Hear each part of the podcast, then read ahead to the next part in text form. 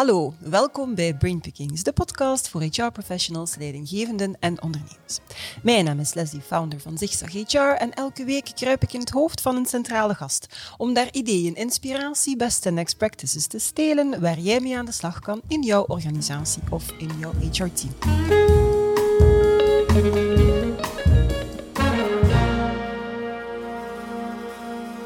Mag vandaag in het hoofd kruipen van niemand minder dan Frank van der Zijpen, Director HR, HR Transliever en Insights bij Securex.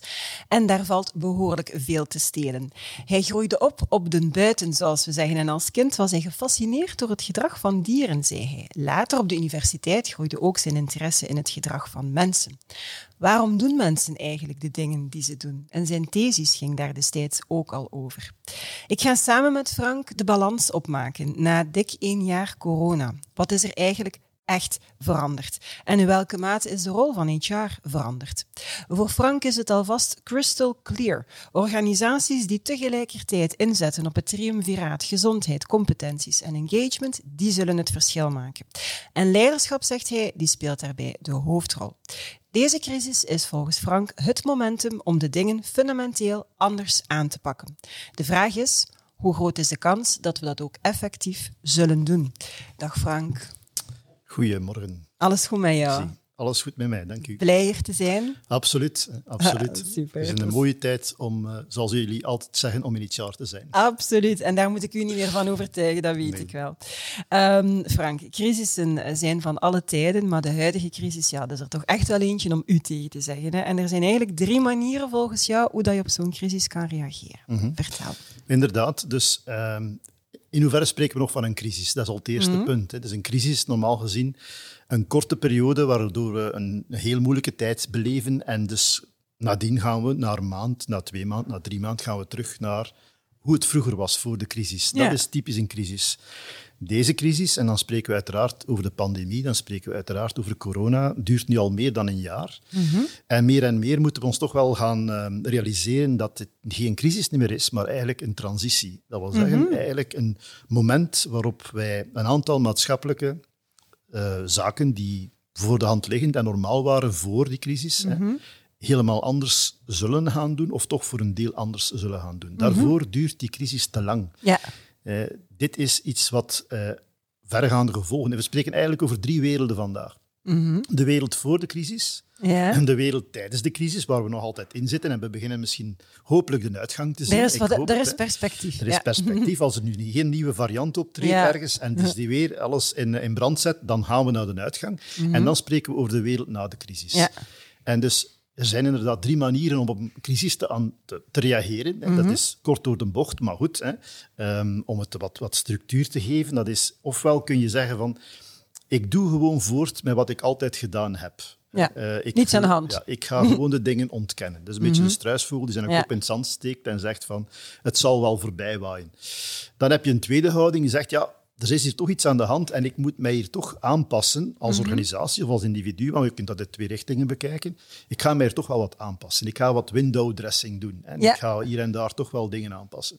En de derde basishouding is, ik ga die context die aan het veranderen is, gebruiken als een opportuniteit om mijzelf en mijn business en mijn manier van werken fundamenteel opnieuw uit te vinden. Ja. Dat zijn drie houdingen en u heeft daarnet gezegd van ja, je bent een dierliefhebber, wel kijk in de natuur, dat is Darwinistisch denken of Darwiniaans denken. Ehm, dat is hoe een, een dier ook reageert op een contextverandering. Hè. Dus je kunt daar verschillende manieren op reageren. Hè. En een van de, van de dieren die we allemaal kennen is de egel, hè, die nog altijd in die ontkenningsfase Ja, zit. En die zegt bolletje. van kijk, Ja. op het moment dat het gevaar is, dan rol ik mij op en ik wacht tot wanneer dat de, de bui overgaat. Ja. Alleen die egel, die, die wordt vandaag platgereden hè, door vrachtwagens, door auto's. Dat is een van de meest uh, platgereden nog dieren. op het nieuws. Ja. Eh, dus ja, dat is, een, dat is een strategie die eigenlijk wel gevaarlijk is om eh, te verdwijnen. Ja. De tweede is aanpassen. Dat is gelijk een chameleon die van kleur verandert en die, die overleeft, hè, zonder dat die echt succesvol is als diersoort, maar die overleeft. Dus Ja. eh, als je die bekijkt onder een vergrootglas, dat is eigenlijk een kleine dinosaurus. Hè, maar die heeft het wel gemaakt door zich te kunnen aan. Dus dat Ja. heeft wel perspectief om te kunnen overleven. De derde strategie, dat is de context gebruiken als een opportuniteit. Dat zie je vandaag bijvoorbeeld de vos. De vos die oorspronkelijk in het bos leefde en dus daar leefde van prooien die hij kon vangen. Uh, de bossen zijn verdwenen, de steden zijn gegroeid en de vos heeft eigenlijk geleerd om zijn voedingsgewoonten te veranderen en te leven op de afvalberg van de mensen. Ja. En dat is een van de meest succesvolle Heeft eigenlijk. het dus helaas het geeft maar aan ja, van hoe dat je dus in feite dus daarmee kunt omgaan en wat de ja, de risico's of de gevolgen daarvan zijn. En we zien dat ook in die crisis. Hè. Dus mm -hmm. bedrijven die voor de pandemie al rekening hielden met een aantal trends die er waren en die er blijven. Hè. Dus die zijn niet weg. Hè. Mm -hmm. Dat is, ja, de mobiliteit is uh, een probleem in België. Uh, mensen vragen ook om meer grip te krijgen op een work-life balance. Ja, ja. Wel, bedrijven die al bezig waren met telewerk en thuiswerk voor de pandemie, hebben het veel beter gedaan tijdens de pandemie en zullen het waarschijnlijk ook veel beter blijven doen na de pandemie. Mm -hmm. Net hetzelfde met bedrijven die bezig waren met hun uh, ik zou zeggen, een, een workforce, een, een, uh, een, personeelsbestand te bekijken Mhm. op een meer strategische manier. Wat is hier nu core? Wat kunnen we aan, door interims laten Ja. doen? Wat kunnen we door zelfstandig laten doen? Wat kunnen we door tijdelijke contracten laten doen? Wel, die hebben dus die pandemie veel beter doorstaan, omwille van het feit dat ze onmiddellijk impact hebben gehad op hun loonkosten. Ja. Door contracten eh, niet meer te verlengen, door eh, Mhm. contracten stop te zetten, interim stop te zetten. En in feite onmiddellijk hun kosten in feite te kunnen aanpassen aan de elasticiteit van vraag en aanbod die Ja. plots wegviel. Ja, Dus absoluut. dat is eigenlijk het... eh, Ze kunnen ons best gedragen zoals een vos. Klinkt een beetje als een parabel van eentje. ja, ja, ja, we zouden daar veel kunnen van leren. Natuurlijk, ik, ik zie ook bedrijven, en ik heb onlangs nog een, een soort van poll gedaan, en dus je ziet toch wel dat heel veel bedrijven vandaag in die aanpassingsfase zitten. We, Mhm. Ja. gaan ons aan- we zien het wel. Ja. Dat er heel weinig zijn die zich fundamenteel de vraag stellen van hoe gaan we dit nu in de gegeven context fundamenteel anders, Anders. gaan doen. Ja, ja. Eh, de bedrijven die vandaag, of die op korte termijn gewonnen hebben, zijn diegenen bijvoorbeeld hè, die ehm, ja, gezien hebben dat bijvoorbeeld het- heel de e-commerce, dat is het klassieke retailmodel is eigenlijk onderuit gehaald vandaag. En dus mensen gaan niet meer fysiek bij naar de winkel. En die kans is heel groot dat ze dat ook na de crisis Voor niet meer zullen doen. Ja, ja, ja. Dus dat is een van die, van die eh, ja, voorbeelden eh, Ja, dat dat kan draaien. Hè. Boeiend. Ehm laat ons even eh, kijken naar de rol van HR dan. Making, dat is volgens jou, of dat heb ik in ieder geval toch ehm, gelezen ehm, in een van jouw verschillende publicaties, making sure people are willing and able to perform sustainably in order to create value for all stakeholders. Het komt er dus op neer dat HR de juiste context helpt creëren, op dat mensen competent, gezond en geëngageerd zijn, zodat ze waarde kunnen creëren voor alle stakeholders van het bedrijf. Dat is een stukje hoe, hoe dat ik het, ehm, hoe dat ik het eh, kan, kan interpreteren.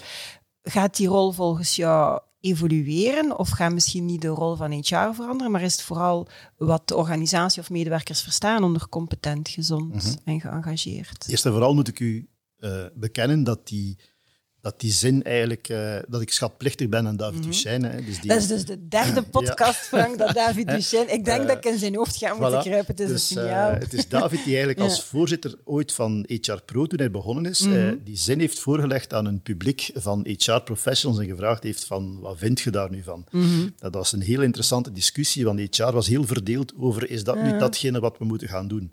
Ik ben daarvan overtuigd. Ik ben misschien eh, een van de volgelingen dan van David, maar wij hebben lang samengewerkt natuurlijk. Jullie hebben samen een boek Eh, geschreven. Mhm. we hebben samen een boek geschreven en ik geloof daar ook heel sterk in.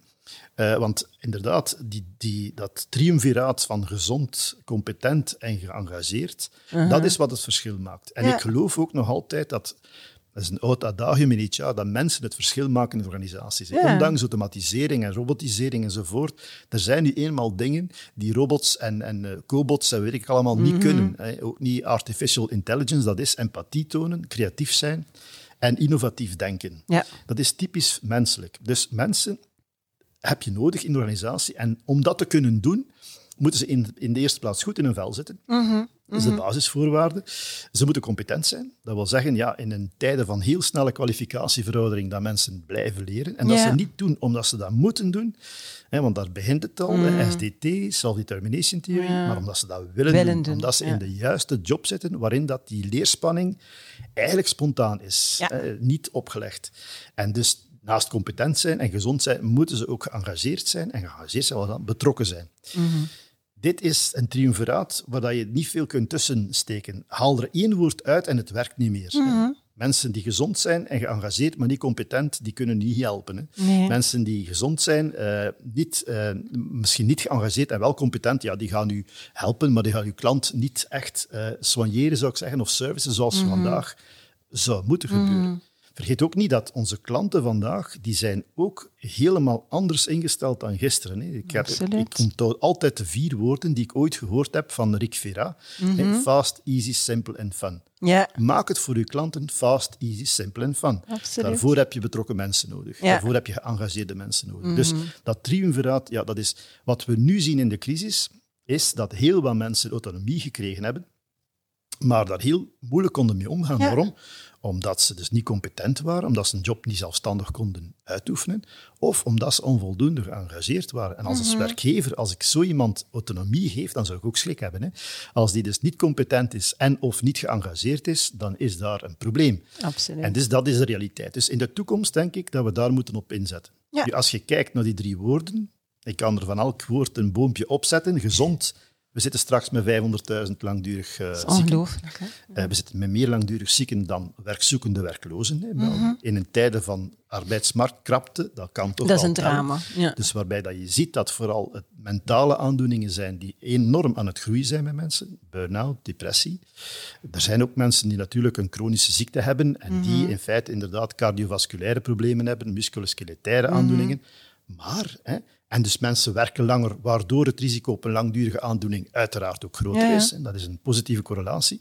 Maar die groep van mentale aandoeningen, dat is toch wel onrustwekkend. En Ja. die 500.000 is zeer onrustwekkend. Als je kijkt naar competent, oké, we kunnen dan een vraagteken zetten bij die cijfers over adult learning. Want inderdaad, wij registreren nog altijd adult learning als zijnde klassikaal leren, terwijl er ook andere manieren zijn van leren, maar blijft in Europese context een feit dat wij het niet goed doen. Nee. En dat er blijkbaar ook een directe link is tussen de mate waarin een land, eh, zijn vol, in een land volwassenen leren en dus de, allee, dus de leeftijd wanneer ze werken. Ja, ja. Dat Dat is een heel duidelijk ja. verband. Mhm. Dus dat is, dat is Ja. niet oké. We zien de kwaliteit van ons basisonderwijs, secundair onderwijs, achteruitlopen Ja. in de Europese context. Dus competentie is een issue. En dan komen we bij engagement. Ja, en dan Mhm. ga ik natuurlijk eh, de moeder aller studies daarbij halen, dus Gallup. Hè. Mhm. En Die zegt, ja, maar 13%, 12% van de mensen zijn echt geëngageerd. Professor Schouffely van de KU Leuven, ondertussen op pensioen, heeft die cijfers eh, ook Mhm. onderzocht. Dat was iets beter dan de cijfer van Gallup, maar men sprak van 20% Ja. highly engaged. Dus daar hebben we toch wel een probleem. Dus met elk van die woorden hebben we een probleem. Of hebben we een issue vandaag, of tenminste een uitdaging. Zit het niet goed? Ja. Het zit niet goed. En dus, dus met andere woorden, ja, werken aan zo'n context waarin dat mensen gezond, competent en geëngageerd zijn, is niet alleen volgens mij waar het verschil gemaakt wordt, Mhm. maar waar er ook heel veel uitdagingen zijn vandaag. Ja, en dus ehm, de, de rol van, van, van, van HR daarin, wat, wat kan HR dan bijvoorbeeld concreet doen? Een Wel, eer, wat kan een eerste stap zijn? U zegt het juist, dit is de rol van HR, niet de functie van HR. Het Ja. Mhm. is een rol in HR, want voor mij, die rol van HR, die, die ligt en die begint bij de leidinggevende. hè. Dus Ja. eh, dat is een oud zeer, denk ik. Ja.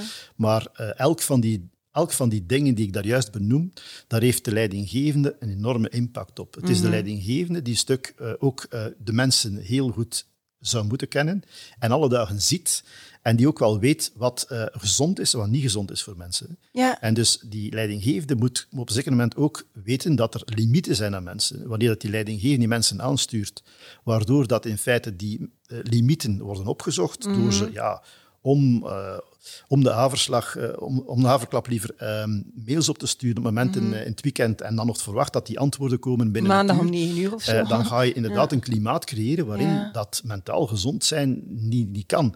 Wanneer dat je mensen niet toelaat om rust te nemen hè, eh, Mhm. en echt gedeconnecteerd te zijn, dan, dan werk je eigenlijk aan een context die toxisch is op vlak van gezondheid. ja. Dat is ook zo voor competentie. Wanneer je mensen niet de kans geeft om te leren, in welke omgeving ook, of dat dan niet on the job is, of eh, door het volgen van een cursus of een boek aan te kopen of wat dan ook, dan ben je bezig met impact uit te oefenen op competentie. hè. Engagement, net hetzelfde. Hè. Dus of je mensen kunt betrokken maken of niet, we gaan het misschien straks dan nog over hebben, hangt af van je houding van leidinggevende. Of mensen u gaan volgen, of ze vertrouwen hebben in u, of ze, of ze inderdaad het gevoel hebben dat je weet waarover je spreekt. Hè.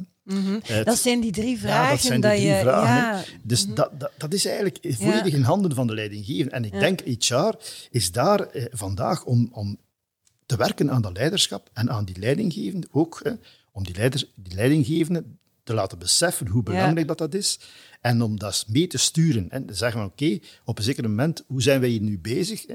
En op een zeer vroeg, liefst zo vroeg mogelijk moment betrokken te zijn in het nemen van de beslissingen Ja. op bedrijfsniveau. Heel vaak zien we, en ik weet dat is een discussie in HR die iedere keer opnieuw komt, en er zijn heel veel gefrustreerde mensen in HR, omdat ze niet aan de tafel zitten als de beslissingen genomen worden. Maar het hangt ook af van hoe dat je je opstelt als HR.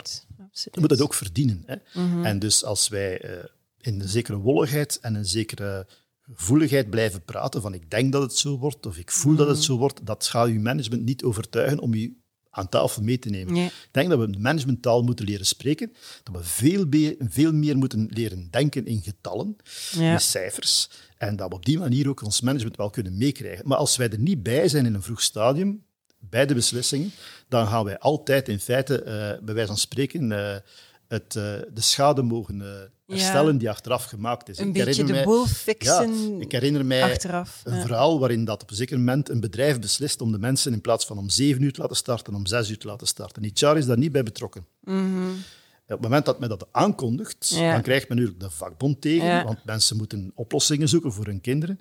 En uiteindelijk is het dan HR die dus in feite wordt gevraagd van, allez, los het nu maar op. Hè. Dus Ja. eh, ga nu maar met de vakbond spreken. Ze En worden een beetje gedwongen in de rol van de fixer dan- om dan- achteraf de, de, de boel op te ja, ruimen. Ik denk dat we dit momentum moeten gebruiken. We zitten nu in een, in een fase waarin, denk ik, heel veel aandacht wordt geschonken Ja. aan dat. Hè. Als ik kijk naar welzijn op het werk, hoe hoog dat, dat aangeschreven Ja. staat in, in de meeste polls en bedrijven, eh, wel, dan denk ik dat dit momentum is om HR terug in die positie ook te duwen. Ja. Van, oké jongens, los het met ons nu op. We gaan kijken, wat kunnen we nu doen om daar een stuk aan dat welzijn te werken. Ja. Vooral omdat dit ook ehm, waarschijnlijk zo zal zijn dat wanneer je dit niet doet, Mhm. dat je niet alleen je bestaande mensen gaat verliezen, maar het heel moeilijk zal zijn om nieuwe mensen aan te trekken. Ja, ja, oké. Ik wil nog even ehm, terugkeren op wat je zei. Dus, eh, de rol van, van, van, van de leidinggevende is verpletterend belangrijk. En dus eh, wat dat de rol van HR daarin is, zei je net. Maar dat leiderschap dat gaat over het beantwoorden van drie vragen vanuit het standpunt van de medewerker, heb je mij verteld. Ik vind dat fantastisch. Can I trust you? Do you know what you're talking about? Do you take care of me? Zoom Ja. daar nog eens op in. Wel, dus er is heel veel geschreven over leiderschap. Mhm. Wat blijkt nu dat eigenlijk de, de gepercipieerde kwaliteit van het leiderschap door de werknemers, Percipieerde. hè, de gepercipieerde kwaliteit van het leiderschap, eigenlijk de belangrijkste aanwijzer is of inderdaad mensen eh, geëngageerd, gezond en competent zullen blijven. Hè. En dus dat komt uit een theorie, dat is de, de Leadership eh, Member eh, Exchange Theory, waar men eigenlijk zegt van kijk, meet de kwaliteit van de relatie. En dat kun je met een uitgebreide vragenlijst doen, maar eigenlijk zijn drie vragen Ja. vrij essentieel. Hè. En dus kun je, eh, als, als je aan die medewerkers dat zou kunnen vragen, eigenlijk een onmiddellijk beeld krijgen van hoe wordt de kwaliteit van het leiderschap gepercipieerd. Ja, Dat begint met vertrouwen. Ga ik u vertrouwen? ja, Als ik daar nee op antwoord, dan heb hij als leidinggevende een probleem. ja. Want dan gaat hij een eh, werknemer zeggen van ik luister wel naar u, maar ik weet dat ik u... Ik ben op mijn altijd- hoede. Je hebt een Ja. verborgen agenda ergens, dus ik ben altijd op mijn hoede. Twee, weet, waarover, weet jij waarover dat je spreekt? En dus dat is een beetje Mhm. in tegenspraak met het feit dat men zei van een leidinggevende, witte, die kan, eh, een leidinggevende in IT kan morgen leidinggevende worden geen in, in expert retail. zijn. Dus Ja. Mhm. dat is gewoon leiderschap, is iets wat je hebt en eh, de materie is eigenlijk niet zo belangrijk. Wel, dat wordt hier toch wel tegengesproken. Hè? Dus eh, Mhm. ehm, je moet toch wel weten waarover je spreekt. Je moet tenminste het gevoel geven dat je weet eh, waar we naartoe gaan. Ja. Van een leidinggevende wordt er toch verwacht dat hij inspireert, Ja. dat hij een visie heeft op de dingen. En die moet toch wel inderdaad eh, vrij realistisch zijn of klinken in de oren van die werknemer. Als dat te vers van zijn bed staat, dan zeg laat dat maar doen. Ik geloof daar niet in. Dus dat is een heel, twee belangrijke dingen. Dus ik eh, weet waarover dat je spreekt. En drie, dat is een heel interessante. Hè? Eh, do you take care of me? En dus daar moet je niet onder begrijpen van dat de werknemer verwacht dat eh, zijn leidinggevende en pampert. Hè? Nee. Integendeel. nee. Hè? Dus zeg mij, eh, geef mij feedback ook als die feedback niet oké Mm, is. ja. Hè, zoals Jim Collins destijds, de brutal facts, ik wil ze kennen. Hè. Ja. En dan kan ik mij ook verbeteren en dan kan ik daar ook iets mee doen. En dus zelfs een ontslag hè, van iemand of iemand ontslaan, kan eigenlijk een, een goede zaak zijn achteraf. Misschien op het moment natuurlijk niet, want Nee, er gaan nee. altijd emoties mee gemoeid. Maar achteraf zijn er vaak medewerkers die zeggen, die leidinggevende, dat is het beste wat hij ooit kon doen Ja. voor mij. Ja. Want dit heeft mij de kans gegeven om andere dingen te doen. En ik weet dat ik daar niet goed bezig was, achteraf Mm. bekeken. Dus dat is, hè, do you take care of me? En die drie, hè, noem dat powervragen, Ja. die eigenlijk een zeer goed beeld van die kwaliteit. En die kwaliteit van het leiderschap heeft eigenlijk eh, onmiddellijk impact op absenteïsme, op eh, ga je de kantjes aflopen of niet, Mhm. ga je leren, ga je veranderingsgericht denken, ga je, ben je bereid om mee te denken met de organisatie, ben je bereid om extra dingen op je schouders te nemen, dat heeft daar allemaal mee te maken. Mhm. Dus, eh, en vooral ook omdat je dan zegt, ik, ik, dat, is, dat is de basis ook van autonome motivatie, om dan Ja. de self-determination theorie nog Ja. een keer aan te halen, van ik wil dit eigenlijk wel doen. Ja. Niet omdat jij dat vraagt, maar omdat ik dat Omdat zelf ook zelf ook echt wil. Dat is een heel sterke, een heel sterk eh, verhaal. Ja.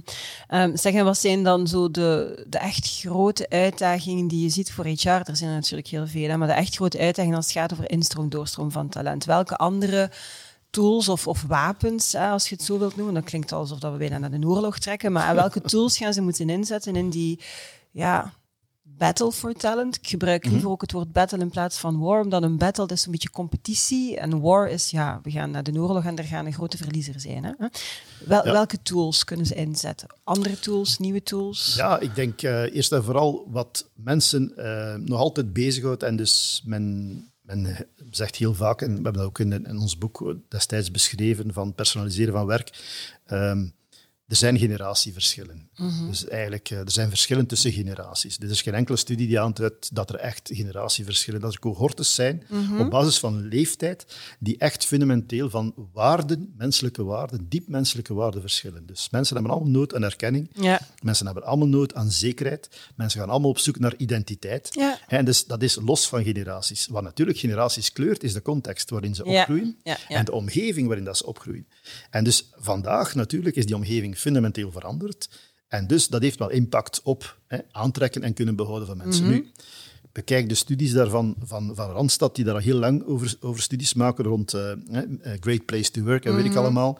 Het gaat nog altijd over één marktconform loon. Dat blijft heel Mhm. Blijft op nummer één. Hè? Werkzekerheid Ja, ja. blijft heel belangrijk. Hè. Een eigentijdse werkomgeving blijft zeer belangrijk. En dan komen inderdaad zaken zoals collega's op het werk en Mhm. Ja. leiding geven enzovoort. Om weg te gaan heb ik nog altijd de indruk dat een van de grootste redenen om weg te gaan de, de leidinggevende Ja, is. Hè. ja, ja. Dus als het daar niet klikt, dan, eh, dan gaat het... Mhm. Maar waar we dus inderdaad moeten gaan op inzetten, dat heeft dan te maken met die eigentijdse werkomgeving. Mhm. Dat is toch wel een context creëren waarbij de new way of working eh, echt wel geïmplementeerd wordt, waar, waar het kan. Ik begrijp ook wel, hè, dus in de zorgsector kun je zomaar je patiënt niet meepakken naar huis, dat gaat niet. Maar daar waar het kan, en we weten dat we voor de pandemie, hè, dat we eigenlijk een, rond een percentage zaten van 20% van de werknemers die regelmatig of vast thuiswerkten, en dat er een potentieel is naar 40% Ja. in België. We zitten eigenlijk nu op die 40% hè, door het verplicht thuiswerken. Wel, ik, ik, ik, ik denk dat we gaan, niet meer gaan teruggaan naar die 20%. Hè. Waarschijnlijk gaan we ook niet op die 40% blijven zitten, maar het aantal thuiswerkers en diegenen die dat willen blijven doen, structureel zal dus stijgen. Dus je moet ergens gaan nadenken, hoe kan ik hier een context creëren waarin dat thuiswerken ja, algemeen aanvaard wordt en wij minder moeten naar het kantoor komen. Is dat een nieuwe behoefte? Nee. Eh, ik, eh, ik ben een babyboomer. Ik had dat ook veel vroeger willen doen. Hè. Ik heb uren in de file gestaan. Hè. En uren in de auto gezeten zonder gsm en zonder airco. Hè. Maar de technologie hè, maakt dat het nu wel kan. Ja. En de mobiliteit verplicht ons eigenlijk om het Dat te doen. gaan doen. Dus de contextfactoren zoals mobiliteit en technologie maken dat eigenlijk, dit is toch wel de enige goede oplossing, is Mhm. mensen die dat kunnen, maar ze moeten dan competent en verbonden zijn met de organisatie. Absoluut. De autonomie te geven om thuis te werken. Trouwens, dat is niet nieuw. Hè? Eh, ene uh, Karasek in vervlogen tijden zei, geef de mensen regelcapaciteit. Dat is de beste buffer Ja, ja. tegen stress. Ja. Als ze zelf kunnen in feite een werk organiseren, dan gaan ze een stuk minder stress hebben. Mhm. En dan gaan ze ook een stuk meer gezond kunnen omgaan met, met hun werklasten. Als je ze in een canvas steekt en zegt, en vandaag nog altijd verwacht dat je hier om zeven uur in Brussel bent, 's morgens, en dat je dan niet voor zes uur s'avonds vertrekt naar huis, Mhm. dit is niet meer leefbaar. En het is daarover dat het gaat. Dus een new way of working wordt zeer belangrijk. Werken op zingeving Ja. Motivatie wordt superbelangrijk. hè. Ik denk dat we nog altijd onderschatten dat een van de grote ehm, ja, uitdagingen van de, op korte termijn is het einde loopbaandebat. Ja. Wat gaan we doen met die mensen? We willen dat iedereen langer werkt. We zien dat dat dus niet gaat. We stoppen op gemiddeld 61, 62 jaar. We moeten tot 67 jaar werken. Na een carrière van gemiddeld 32 jaar, terwijl we 45 zouden moeten presteren. Waarom kunnen we daar geen beweging in brengen? In een context ook van een te lage werkzaamheidsgraad in België. Ja. En van een veel te lage werkzaamheidsgraad nog altijd van die 55-plussers in verhouding met tal van Europese landen. Eh, dat heeft niks te maken met gezondheid. Soms wel. Mensen zijn soms versleten. Maar ik ben zelf 59, ik ben een babyboomer. eh, en in mijn omgeving zie ik heel veel mensen die zeggen: Je gaat toch niet lang meer werken nu, je bent 59. eh denkt jij niet aan stoppen? Hè? Ehm, ik eh, woon op de buiten, ik woon op, eh, aan de Schelde, ik- aan het jaagpad van de Schelde. Daar mag je met de wagen 30 per uur rijden. Ik ben er altijd eh, onder de indruk van het feit dat ik, wanneer ik 30 per uur rijd, het, ik voorbijgestoken word door een peloton van mensen die zeker veel ouder zijn dan mij, maar die veel fitter zijn dan mij. Dus gezondheid alleen is niet de, de reden waarom mensen Stoppen. stoppen. Er is iets anders. Het heeft te maken met goesting. Het heeft te maken met zingeving. Waarom zou ik dit nog doen? En dus dat heeft heel vaak te maken ook met, met inhoud van werk. En ook het feit dat wij mensen naar het einde van hun carrière nog altijd heel veel betalen. Terwijl dat ze in feite niet meer de competenties hebben die dat rechtvaardigen. En dan krijg je een debat, en dat is in HR denk ik iets wat we moeten leren. Ehm, men zegt heel vaak, mensen zijn het belangrijkste kapitaal van een organisatie. Ik geloof dat niet meer. Ik heb geleerd dat het competenties zijn Ah ja. en niet Ja. mensen. Ja. Dus op het moment dat de mensen die competenties niet meer hebben, dan zijn ze eigenlijk niet veel. Niet. Ook al hebben ze heel een carrière, Ja. 30, 35 jaar gewerkt in organisatie. Ze zijn te duur en ze zijn niet meer competent. En dan zie je van die debakkels, kun je er een paar opnoemen, denk ik, van Ja. enerzijds afdanking van hè, ouderen en dus aanwerving van veel jongeren. En dat heeft te maken met competenties, dat heeft te maken met skills, Ja. vaardigheden, kennis. Ja. Zeg, ehm, in de editie van mei van Zeg Zeg HR, Frank, heb je echt wel een heel intrigerend opiniestuk geschreven. HR hoedt u voor regressie. Hè? Want het risico bestaat, zeg je, dat HR zich onder invloed van de pandemie gaat terugplooien of gaat moeten hè, terugplooien op enkel dat wat dan noodzakelijk is. Kunnen we misschien even toelichten wat dat je daarmee bedoelt en wat dat de gevolgen daarvan kunnen zijn op korte en lange termijn en misschien vooral wat dat HR kan doen om dat te vermijden dan? Ja, dus het gaat hier over de wereld na corona. Ja. Hè, Dus als we de uitgang bereiken, dan denk ik dat, eh, dat heel veel bedrijven, ook de, de overheidssteun zal wegvallen enzovoort. Ja. En dan gaan er waarschijnlijk hier en daar eh, toch wel besparingen gebeuren. Ik hoop niet te veel ontslagen, maar ook dat is niet eh, uitgesloten. En in die besparingsronde zal HR ook niet ontsnappen. Hè. Dus eh, men zal kijken van wat is nu echt nodig en noodzakelijk. En dan zou het wel een keer kunnen zijn dat wij eh, gaan zeggen, oké, door de digitalisering en door het eh, ja, introduceren van meer employee self-services, mensen moeten dat zelf maar doen. Hè. Dus HR moet dat niet doen. Je kunt ook zelf je adres veranderen en je kunt zelf ook aangeven wanneer er geboorte is van een kind of wanneer dat je gehuwd bent. We gaan dat allemaal in handen geven van de employees en we gaan gewoon digitaliseren, zodanig dat die systemen allemaal eigenlijk eh, zelfstandig draaien. En dan hebben we dus geen administratieve krachten meer voor nodig. Of we gaan alles outsourcen Ja. aan een van de sociale secretariaten, dus aan ons. Uh-huh, en dan zijn we er vanaf. hè. En that's it. Dan gaan we dus besparen in HR en we gaan in, in, in hoofden kunnen besparen in HR. Terwijl dat natuurlijk hier het gevaar is dat we dus terugvallen op die administrative expert rol Ja. van Ulrich en dat we Mhm. dus zeggen dat is HR en verder is het niks. Terwijl dat we meer dan ooit zouden moeten die hoofden die vrijkomen door digitalisering Mhm. gaan kunnen inzetten op die activiteiten en die rollen van HR met veel meer toegevoegde waarde. Ja. Eh, het mensbeleid in de organisatie, Absoluut. het zorgen voor de context die eh, gezond, eh, gezondheid impliceert en dus Mhm. maakt dat mensen competent kunnen blijven. En maakt dat mensen geëngageerd kunnen blijven. We gaan daarop inzetten. Wel, dat is een beetje mijn vrees, dat... Uh, dat wel een keer zou kunnen, dat men inderdaad in die besparingsrondes, die noodzakelijk zullen zijn, mhm.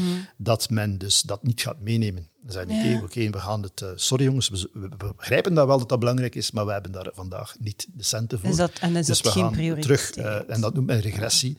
En regressie in de psychologie is eigenlijk een, het...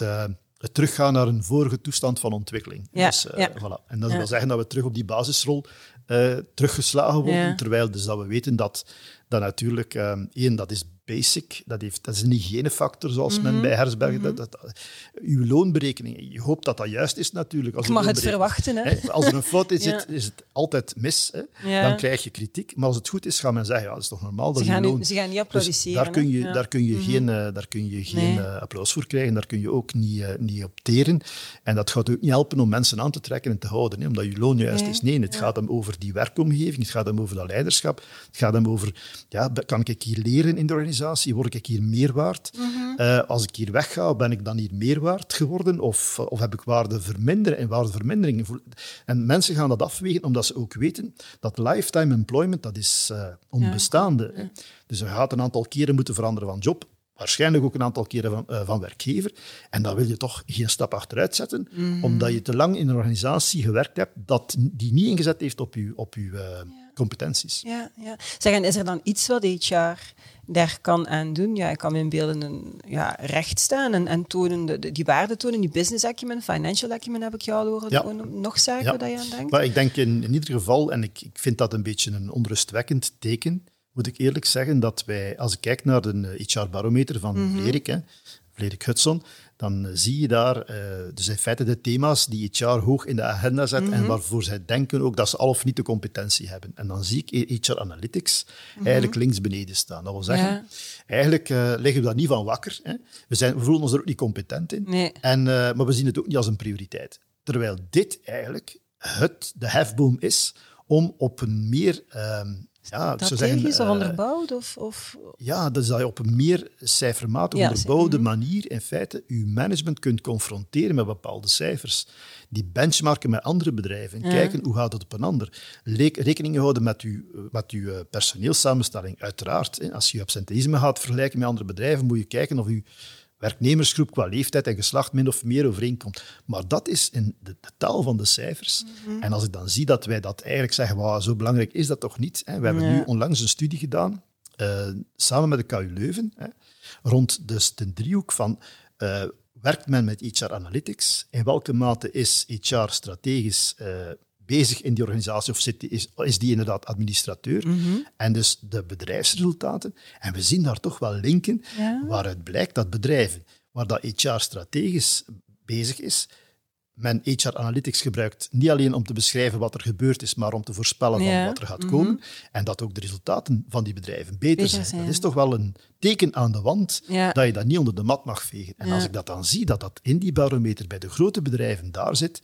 dan Au. denk ik dat we dus inderdaad werk aan de winkel hebben. Dat dat een van de mogelijke hefbomen kan zijn om ons in feite in een andere ja. positie te manoeuvreren. Okay, ja, HR kijkt nog een beetje te veel dapper de andere kant op wat dat betreft dan. Okay. Heel vaak ook beschrijvend. We, we hebben wel cijfers, maar wat, ik, als ik aan nu zeg van we hebben vorig jaar zoveel afwezigheid gehad wegens ziekte, kan wat er niks meer er? aan doen. Hè? Ik ja. wil horen van u, wat betekent dit naar de toekomst? En dat is denk ik de evolutie waar, waar we naartoe moeten. Oké, okay, helder. Um, tot slot, um, Frank, wat zijn volgens jou de topics dan, of welke topics zouden dan hoger op die agenda uh, moeten staan? Um, wel, welke thema's en, en waarom? Ja. Analytics heb ik net al gehoord. Dat ja, welzijn op het werk is natuurlijk welzijn, een dooddoener. Ja. Dus, Uh -huh. Want op die manier kunnen we niet verder. Hè. Dus Uh -huh. uh, ik denk ook dat ons probleem een beetje in het systeem zit. Hè. Zoals uh, Jan de Nijs zegt. Uh -huh. hè. Als hij zegt, België is ziek, een heel interessant rapport. Zeggen, ja. ja goed, het is niet alleen het, is niet alleen het feit dat we veel, veel langdurig zieken effectief hebben, maar ons systeem tussen haakjes staat dat ook toe, dat dat Mhm. gebeurt. Uh, nu, in Nederland bijvoorbeeld heeft men een uh, periode van gewaarborgd loon die veel langer is dan in België. Mm -hmm. En als ik dan kijk eh, naar de cijfers van Nederland, die zijn wel iets beter, maar het is ook niet zo dat die fundamenteel beter zijn. Mhm. Mm -hmm. uh, nu, ik ben in elk geval ook tegen, uh, wat in de media was uh, onlangs, we gaan bedrijven beboeten die dus te veel burn-out hebben. Mhm. Mm -hmm. ik, zou, ik zou liever ja. hebben dat men zegt, één, burn-out, voor alle duidelijkheid, is iets wat werkgerelateerd is, maar niet alleen werkgerelateerd. Nee, hè. nee. Eh, mensen moeten ook leren omgaan met de context van vandaag. En dus eh, er is een link met het werk, maar mensen zijn ook verantwoordelijk voor zichzelf. Ja. En ik zou veel liever horen dan, in plaats van boetes, hè, maar ik ben eh, misschien een, een positieve psycholoog-aanhanger, dat je zegt, we gaan bedrijven belonen die proactief inzetten Ja. op het vermijden van burn-out. Ja? In plaats van boetes geven. Hè. Eh, Dus mentaal welzijn is zeer zeker, Mhm. uiteraard, dit de new way of working. Ja. Ehm, digitalisering moet je meepakken Ja, kunt niet omdat anders. digitalisering zal helpen op de juiste manier, geen regressie, om mensen in te zetten op HR-mensen in te zetten op eh, taken met meer toegevoegde waarde. Ehm, leiderschap, dat Mhm. Ja. blijft. Men mag dat niet onderschatten. Die leiding geven is veel moeilijker geworden dan vroeger. Hè. Ja, ja. Je zit op afstand leiding te geven. Je zit met hoog eh, geschoolde experten heel vaak. Multidisciplinaire teams, eh, niet onderschatten. Mensen die Mhm. in, in kennis veel dieper zitten dan u, die je niet kunt controleren. Dus je moet ze bijna vertrouwen, anders lukt het niet. Eh, heel vaak in een multiculturele Mhm. Omgeving. Dus dat is, dat is niet te onderschatten. Dat is veel complexer geworden dan, dan vandaag. En dan natuurlijk, ja, motivatie, zingeving, eh, dat vind ik superbelangrijk. Ik denk dat we als we, zolang dat we mensen proberen te motiveren eh, en te verplichten om dingen te doen, verplichten om langer te werken, eh, verplichten om in een job te blijven, omdat je, ook al voel je daar niet goed, ik denk dat dat niet gaat lukken. Eh, Nee. Ik denk ook niet dat het goed is om, eh, om houden kooien te bouwen. Ik denk dat we moeten een keer nadenken, dat is niet, alleen voor HR, maar eh, ook voor de overheid, om een keer na te denken over die anciëniteitsgebonden verloning. Ja, moeten we ja. daar niks mee gaan doen? Die mensen vastzet hè, in, in, in kooien, en waar ze niet meer uit geraken, en dan aftellen naar het pensioen. Ja. Hoge kost voor de bedrijven. Dus dat, is, dat zijn zaken die, denk ik, op tafel moeten liggen en die we echt eh, wel een keer moeten eh, gaan over nadenken. Hè. Hoe kunnen we mensen in een situatie brengen dat zij eigenlijk ook dat zelf willen, Ja. zelf willen langer werken, en een stuk eh, meer mobiliteit krijgen in die arbeidsmarkt, want we zitten vastgerust. Hè. We zitten Ja, allemaal ja. op onze We stoel. bewegen niet. En die, die werknemersdynamiek die is dus zeker in de crisis nog verder weggezakt. Mhm. Ik ga zeker geen risico nemen nu. Mensen die dan eigenlijk niet goed in een job zitten, die kunnen zomaar niet vertrekken zonder dat ze een alternatief hebben. Anders verliezen ze alle rechten. Mhm. Kunnen ze ook niet gaan stempelen. Dat zijn zaken die we toch een keer moeten serieus gaan eh, Op tafel eh, leggen op en durven, leggen eh, en, en durven bevragen, denk Ja, ik. Ja, absoluut. Maar heel helder. Ik zie nog een politieke carrière weggelegd voor u, Frank. Misschien kunt Ja. jij het verschil maken Ja. en het land redden. Dat weet ik niet. Hè. We gaan beginnen met HR. want Ik denk dat je voilà, daar goed mee dus, bezig bent. dat, is al een, dat is al een mooie ambitie. Ja. Super. Ik, ehm, ja, ik vermoed dat we zo rond de 35 minuutjes ondertussen eh, zullen geland zijn. Dus ehm tenzij dat je nog een ultieme boodschap wil delen aan de wereld, Ik Frank, wil, nog iets meegeven dat we misschien Ja? niet hebben behandeld, maar we hebben gesproken over vertrouwen. Ja. En dat is toch wel een lichtpunt. Hè? Een lichtpunt is dat in de pandemie of tijdens de crisis wij gezien hebben dat vertrouwen eigenlijk gebaseerd is, eh, vertrouwen is gebaseerd op een stuk ethiek en een stuk competentie. Ja. Dus ethiek en competentie gaan samen in vertrouwen. Ik ga je vertrouwen geven als ik denk dat jij, of als ik ervan overtuigd ben dat jij competent bent Ja. en dat je ook ethisch bent. Ja. En als je Dat in- integer ben, bedoel dat je je? Ja. bent. Dat je integer bent en dat je inderdaad het goed met mij voor hebt. Ja. Dus dat je geen verborgen agenda hebt enzovoort. Als je kijkt naar eh, een van de barometers die daar eh, algemeen aanvaard worden als zijnde toch wel richting de Edelman Mhm. Trust Barometer, dan zie je dat eh, in alle partijen waar men vertrouwen kan in hebben, experten, overheid, media en business, dus het werk, hè, dat het werk daar best scoort. Van allemaal. Dus dat de mensen nog altijd het meest vertrouwen hebben in een bedrijf en in een leidinggever. Dan in de politieke leiders. Veel meer in de politiek, Ja, veel meer dan media en veel meer dan experten. Dat is toch wel een lichtpunt. En dat geeft maar aan hoe belangrijk dat, dat is. Om dus inderdaad dat vertrouwen in je leidinggevende te hebben. Want daar kijken mensen naartoe. Dus da- daar verwachten ze het meeste heil Ja. van op dit ogenblik. Wauw, Ja. wat een rol hebben or- organisaties Ja. eigenlijk te spelen. Een maatschappelijke Absoluut. rol gaat, eh gaat tekenen. Het is fijn dat je met een positieve noot bent, eh, want we zijn inderdaad door wel water gezongen. Dat ik dacht van, oh, is het wel zo'n great time to be in HR? Maar ik ga er toch wel bij blijven, want we kunnen wel effectief een verschil maken Inderdaad. als we op de juiste knoppen duwen. Dankjewel dat ik eh, in jouw hoofd mocht kruipen. Ik vond het bijzonder boeiend. Ik had het ook wel verwacht. Graag gedaan. Met veel Super. Plezier. Dankjewel ook aan jullie om eh, te kijken of om te luisteren. Vond je deze podcast fantastisch? Vertel dat dan natuurlijk aan zoveel mogelijk mensen verder. Heb je honger naar nog meer? Kan je natuurlijk altijd abonneren op onze nieuwsbrief, op deze podcast zelf uiteraard, of op ons fantastische magazine. Het allerbelangrijkste weten jullie al, Frank heeft het ook een paar keer gezegd. It's a great time to be in HR. Tot de volgende!